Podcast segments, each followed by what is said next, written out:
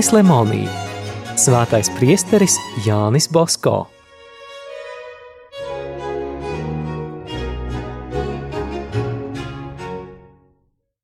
Arī ģimnāzijas draugi Jāni neaizmirsa. Katru ceturtdienu semināra viesu zāle pildījās skolēniem.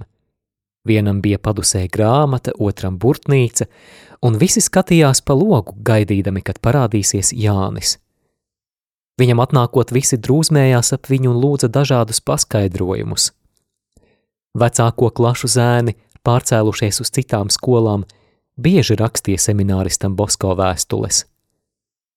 Kristīgās mīlestības garā nostiprinātas draudzības neizārda ne laiks, ne attālums. Seminārā stāsta Jānis Bosko bija laimīgs un visu mīlēts. Ik semestri pēc eksāmeniem mēdza dot 60 liru tam, kam uzvedībā un mācībās bija vislabākās atzīmes. Dievs tiešām mani svētīja. Visus sešus gadus šī dāvana tika man. Pabeidzis pirmo kursu Jānis iepriekš nebrīdinājis apciemoja Molijas ģimeni, kas divus gadus par viņu bija rūpējusies. Šie labie cilvēki, redzēdami pa lauku nākam kādu priesteri, sastājās bariņā un izbrīnījušies skatījās. Kā visi priecājās, kad tie pazina Jāni. Abi saimnieki pat apraudājās. Tur nu Jāni vajadzēja pavadīt divas, trīs dienas. Jānis brīvlaikā nedaudz padzīvoja arī mājās. Priesteris Kaloso viņu ieteica tēviem jezuītiem par grieķu valodas skolotāju audzēkņiem, kas nebija nolikuši eksāmenus. Tas bija derīgi arī pašam Jānim, jo mācot citus, viņš pats atkārtoja šo seno un skaisto valodu. Bez tam, pie tēviem jezuītiem viesodamies, Jānis iepazinās ar slavenu grieķu valodas profesoru Binī. Viņam šī pazīšanās noderēja. Dzīvojot pie tēviem jezuītiem, Jānim Bosko bija izdevība iepazīties ar dažiem dišciltīgu ģimeņu bērniem, kuri tūliņ jauno skolotāju iemīlēja un vēlāk nereizi vien viņam palīdzēja. Te viņš tuvāk varēja vērot to, kādas kļūdas un briesmas sastopamas turīgu bērnu vidē, un cik grūti tādu bērnu priekšā saglabāt savu autoritāti cik grūti ir labi izpildīt audzinātāja pienākumu. Arvien vairāk seminārists Bosko pārliecinājās, ka Dievs nav viņu aicinājis mācīt augstāko aprindu bērnus. Un tā, būdams aizņemts ar dažādiem pienākumiem, Jānis nevarēja ne atpūsties, ne arī pienācīgi sagatavoties eksāmeniem, kuri semināristiem bija jānoliek pēc atgriešanās no brīvlaika. Tomēr atbraucis uz semināru, viņš dažās dienās spēja atkārtot metafiziku un nolika eksāmenus. Bosko tika atbrīvots no mācību maksas, jo viņš bija semināra labākais. Vēl cītīgāk nekā iepriekšējā gadā viņš uzsāka mācības otrajā kursā.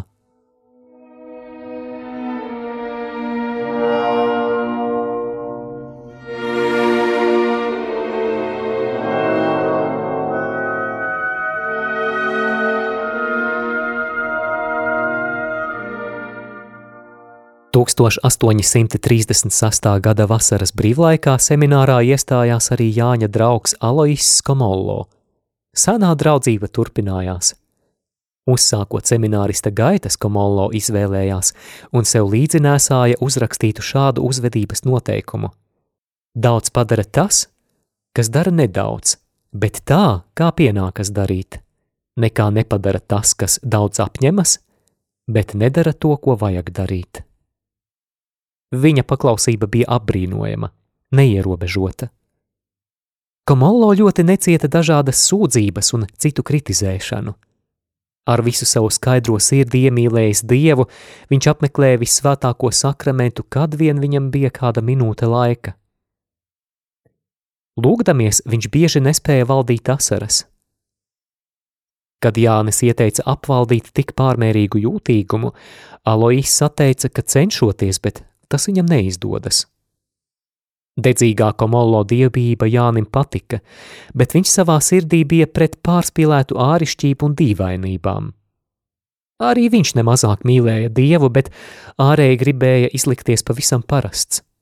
Pieņēmis komuniju, viņš atgriezās savā vietā, skaisti taisni nometās ceļos, salika rokas uz krūtīm, aizvēra acis un dažas minūtes nekustīgi lūdzās. Tikai viņa seja tādās reizēs kļuva tik pievilcīga, ka cilvēki, kas atradās līdzās, nevarēja acu atraut. Par Aloīzu Komolo Jānis Bosko savās atmiņās raksta tādus vārdus, kuri atklāja drauga sirds skaistumu un lielo pazemību. Mans draugs dažreiz pārtraukuma laikā parāva mani aiz drēbēm un veda uz kapelu palūkties vissvētākā sakramenta priekšā, par mirstošajiem noskaitīt rožu kroni un vissvētākās jaunavas Marijas mazās stundu lūkšanas, oficium parvum. Ar šo draugu man bija patiesi laimējies. Kad tas bija nepieciešams, viņš mani brīdināja, prata mani labot, iepriecināt un darīja to tik skaisti, ka es kādreiz pat tīšām kļūdījos, lai tikai dzirdētu viņa pamācību. Pret Aloīzu izturējos kā pret savu īsto brāli un centos viņu atdarināt. Bez šaubām es viņam pat klāt nestāvēju. Tomēr, ja nepadevos nevēlamiem iespaidiem, par to jāpateicas Aloīzam Komollo. Tikai vienā lietā nemēģināju viņam sekot - gandarē. Redzēdams 19 gadus veco zēnu tik asā veidā gavējot visu gavēņa laiku, arī ik svētdienu bieži paliekam bez brokastīm. Mierīgi paciešam apvainojumus un izsmieklu, ar vien izpildām mācību pienākumus biju aizkustināts un jutos tik tālu no šī semināra eņģeļa. Šie vārdi ir pazemības pilni. Seminārists Bosko bija drauga vērts. Mēs balstāmies uz cildenu personu liecībām.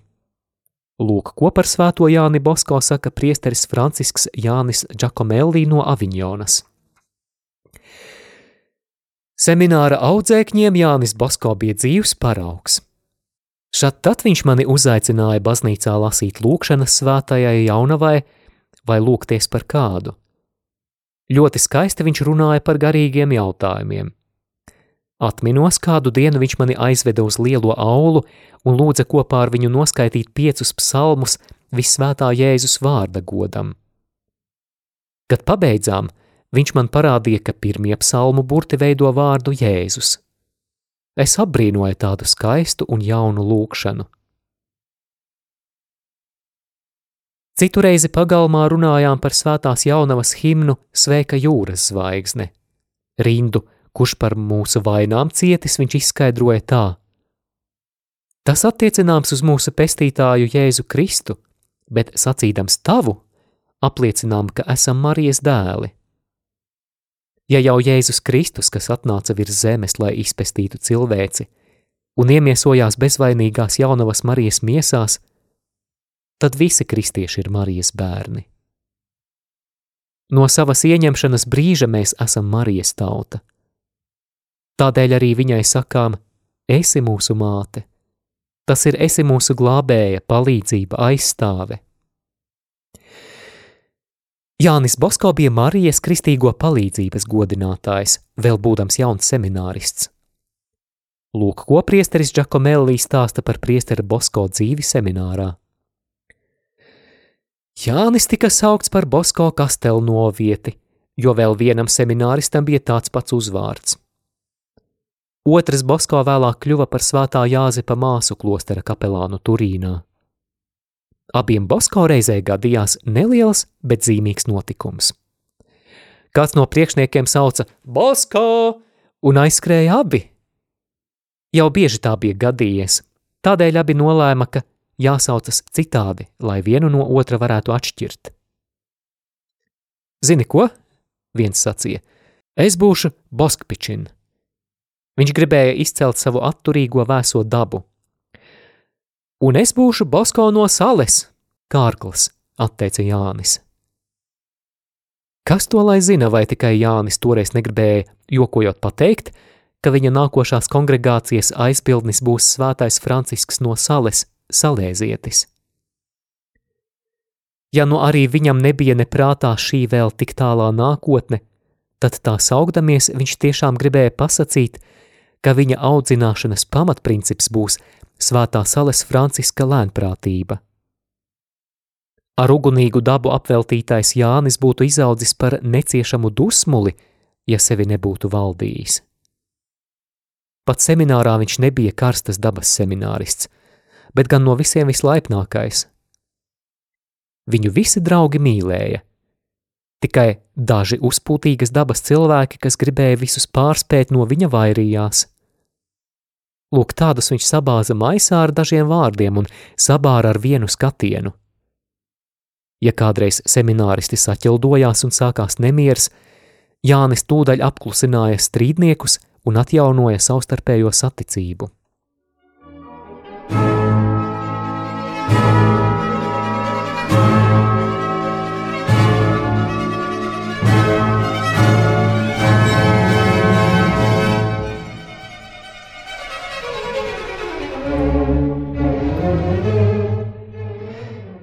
Seminārā ap Jāni pulcējās tie semināristi, kuru mērķis bija akurāti izpildīt semināra reglamentu. Viscentīgākie šī pulciņa locekļi bija Vilims Gariljāno, Jānis Giacomelli un Alois Komollo. Šie trīs draugi, raksta Jānis Bosko, bija mana vislielākā bagātība. Tajā gadā arī izglītības pulciņš sāka daudz rosīgāk strādāt, jo ieradās daži jauni locekļi. Sapulcējušies pārunājām dažādas filozofiskas patiesības, lietojot latīņu valodu. Tas bija ļoti derīgi, jo pēc kāda laika visi pulciņa locekļi par mācību jautājumiem latīniski varēja runāt tikpat labi, kā savā dzimtajā valodā. No šeit teiktā varam secināt, ka Jānis Bosko mācīdamies neapmierinājās tikai ar virspusējo, bet vienmēr meklēja lietu būtību. Vēlāk redzēsim, kā viņš orientējās loģikas, metafizikas, fizikas un matemātikas likumos. Beidzot otro kursu, Jānis tikko nezaudēja konkursā par bezmaksas vietu nākamajam gadam. Viņam tajā gadā bija ļoti spējīgs konkurents. Abi divi beidza kursu ar labām atzīmēm rakstiskajos un mutiskajos pārbaudījumos. Priekšniecība solīja abiem sadalīt prēmiju uz pusēm. Basko bija ar mieru, otrs šaubījās. Profesors nozīmēja jaunus eksāmenus. Rakstu darbs bija ļoti grūts, bet Jānim arī šoreiz nebija nevienas kļūdas, un tā viņš konkurentu uzvarēja. Izlasījis klasiķus, Bosko raksta, pieradis pie mitoloģiskajām pasakām, nejūtu garīgo rakstu stila skaistumu. Biju pat pārliecināts, ka daļrunu un skaistu stilu nevar iemācīties no reliģiska satura grāmatām. Pat tādi darbi kā baznīcas tēvu raksti un homīlijas man likās esam neapdāvinātu cilvēku sacerēti.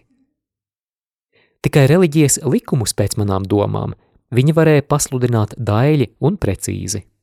Taisnību sakot šo nepareizo spriedumu, es biju aizguvis no augstāk stāvošiem garīdzniekiem, kas bija labi klasiskās literatūras pazinēji, bet nievājoši skatījās uz baznīcas literāro mantojumu. Un tikai tādēļ, ka nekad to nebija lasījuši.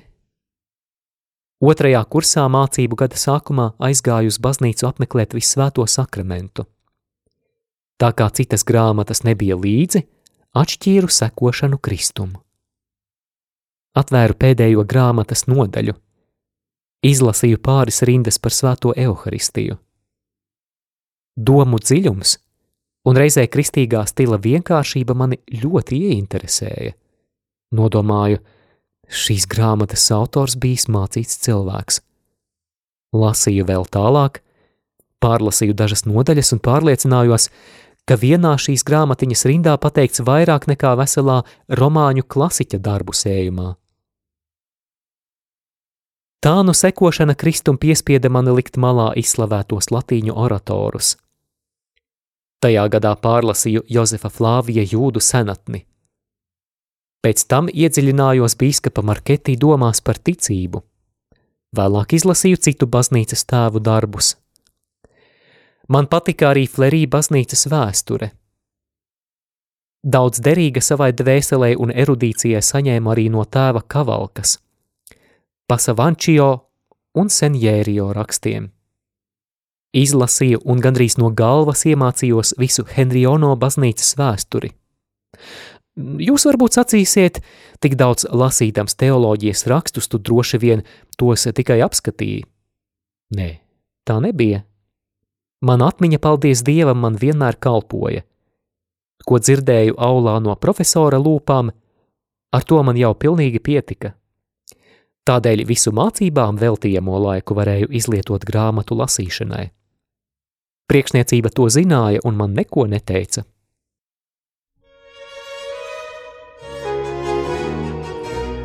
Izskanēja lasījums no Jāņa Lemonija grāmatas Svētais priesteris Jānis Blasko.